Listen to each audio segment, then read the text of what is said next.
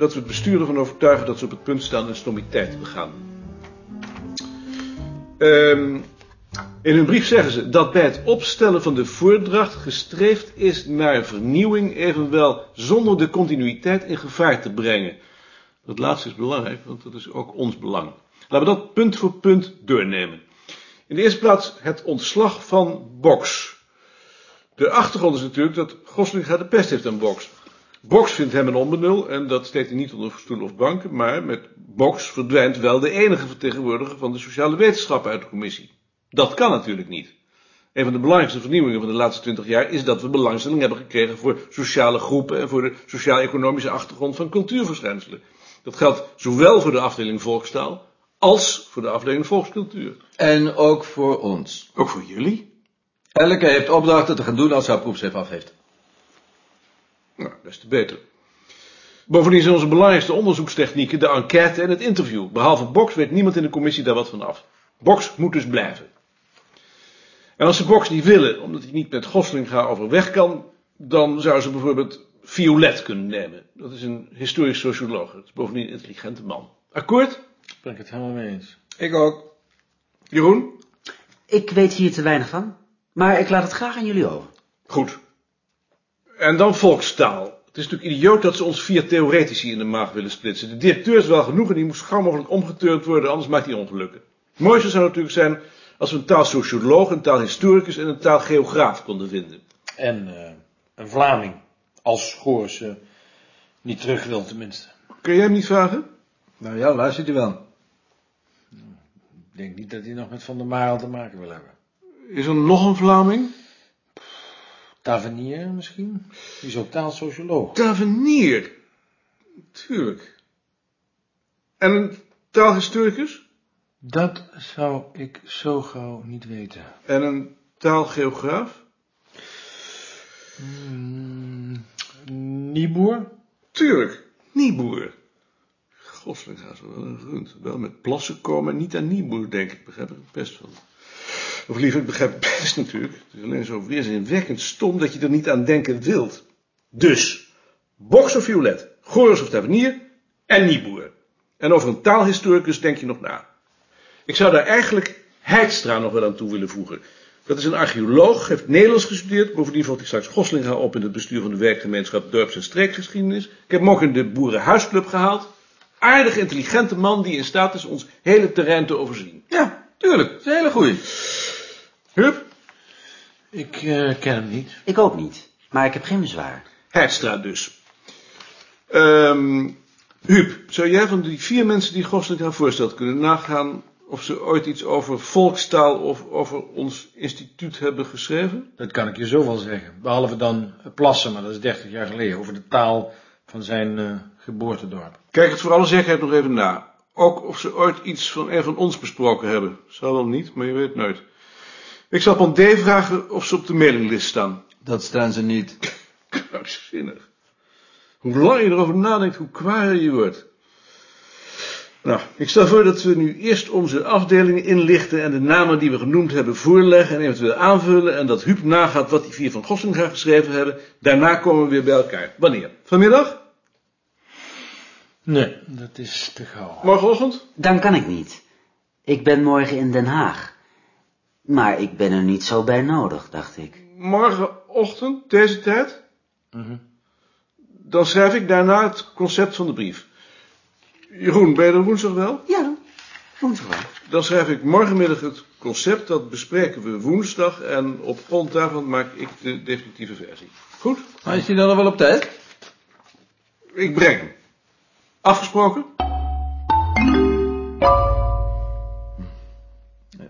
Kan ik je nog even spreken? Tuurlijk. Kun jij niet eens bij de markt doen? Wat is er met Mark?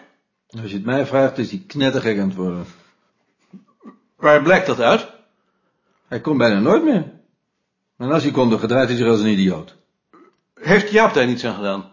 Die zal wel gedacht hebben, ik ben er toch bijna weg. Stuur maar naar me toe, zodra hij weer komt, dan zal ik met hem praten. Zijn hart duwde tegen zijn borst. Zijn gezicht was strak. Zijn hersens zochten rusteloos naar nieuwe problemen om op te lossen. Alsof hij in een tredmolen was terechtgekomen. Hij voelde zich leeg en diep ongelukkig, maar hij was te nerveus om er lang over na te denken.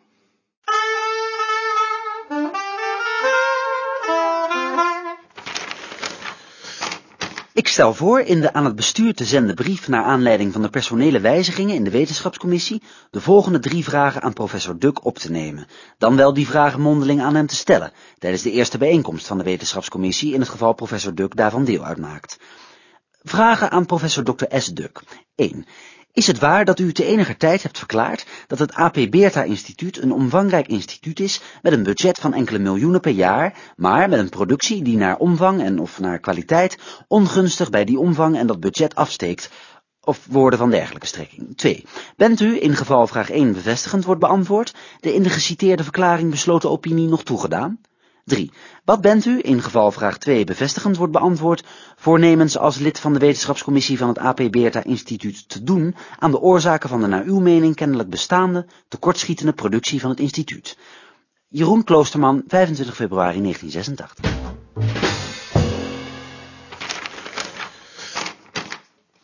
Lees eens. Vragen aan Duk.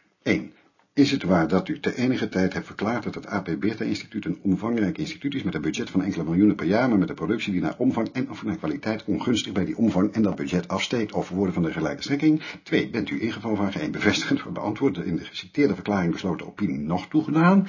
3. Wat bent u in geval vraag 2 bevestigend wordt beantwoord voornemens als lid van de wetenschapscommissie van het AP Beerta Instituut te doen aan de oorzaken van de naar uw mening kennelijk bestaande tekortschietende productie van het instituut? Doe je dat? Dat zou ik wel gek zijn. Hij wil weer vriendjes worden. Ik denk het.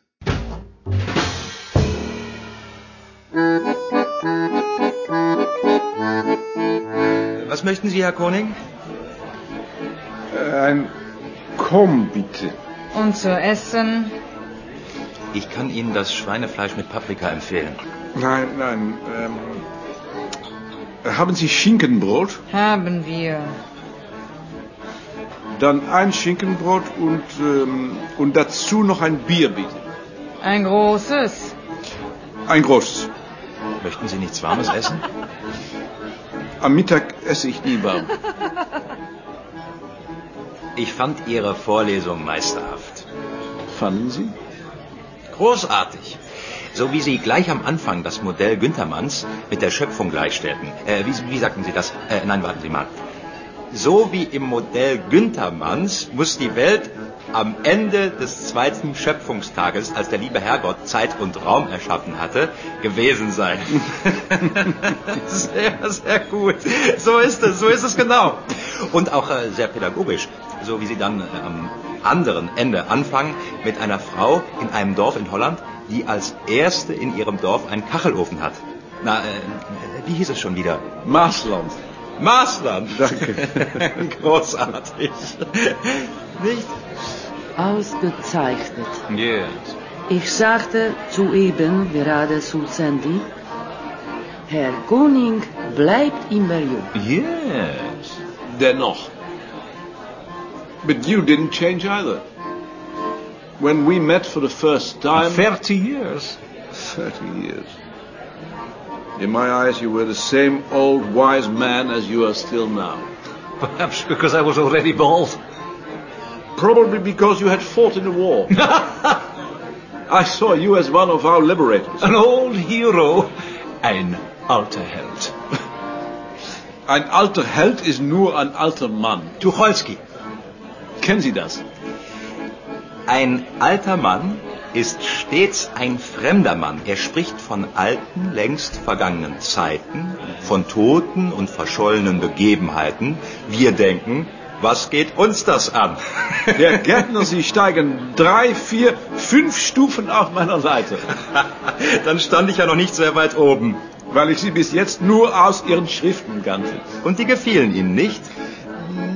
Nein, Sie sind mir zu abstrakt, zu, zu, zu theoretisch, Zu deutsch. zu gründlich. Aber jetzt schreibe ich etwas. Das wird Ihnen sicher gefallen. Warten Sie nur. Ich werde das lesen. Schweinefleisch mit Paprika, ein Schinkenbrot und zwei Bier. Sehen Sie sich das an. Beneiden Sie mich nicht. Nein! Darf ich mich zu Ihnen setzen, Herr Koning? Bitte sehr. Essen Sie ruhig weiter. Essen Sie nicht? Ich werde nachher etwas essen. Ihre Vorlesung hat mich sehr beeindruckt. Sie haben mich davon überzeugt, dass die Nachlassinventare auch für die Mentalitätsgeschichte eine wichtige Quelle sind. Das freut mich. Danke. Damals, als Sie mit Ihren Leuten in Münster zu Besuch waren und Sie dafür plädierten, war ich vielleicht zu skeptisch. Vielleicht, weil das im Augenblick nicht Ihr Interesse hatte. Doch.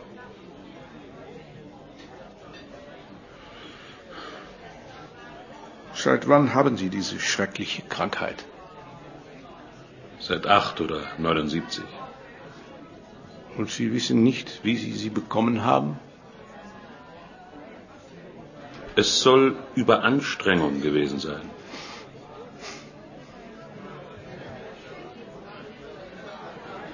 Sind Sie noch böse auf mich?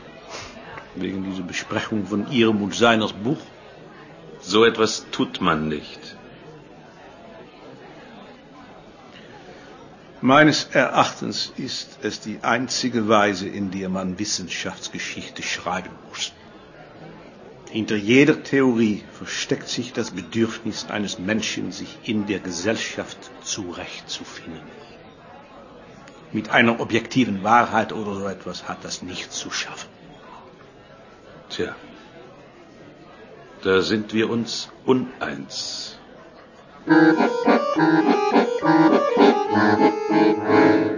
En Maarten, hoe was het in Münster? Het was goed. Tevreden? Tevreden. Mooi zo. Houden zo.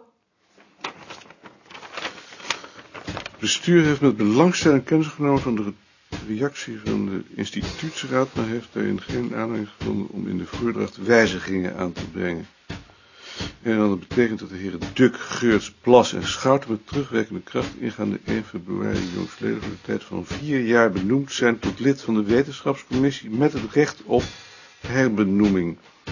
Het bestuur hecht eraan daaraan nog toe te voegen dat het de vertrouwen heeft in deze keuze en dat het ervan overtuigd is dat de deskundigheid van de nieuwe leden de werkzaamheden van het instituut ten goede zullen komen. De directeur van het hoofdbureau Meter. Beste Maarten, hierbij betuig ik je mijn volledige instemming met je brief aan het bestuur en met je bezwaren tegen de voordracht van de vier nieuwe commissieleden. Uh-huh.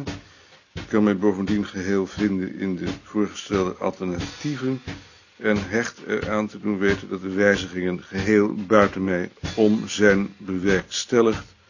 Willem Vreeburg.